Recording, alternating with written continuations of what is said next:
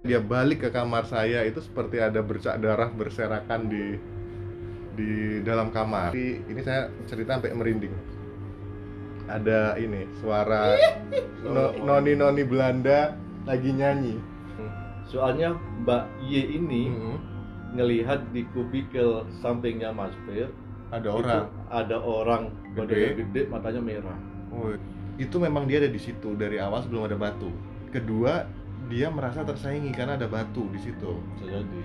Ini Kita walaupun beda Alam. beda frekuensi ya, kan sih? kita ya hidup berdampingan apa salahnya? Tidak tidak salah juga kan. Yang penting tidak saling mengganggu dunia mereka, dunia mereka, dunia kita, dunia kita saling berselaras saja ininya. Next, Oh, enggak. nggak ada. Dia mau cerita merinding dulu. Minum minum dulu Sri. Minum.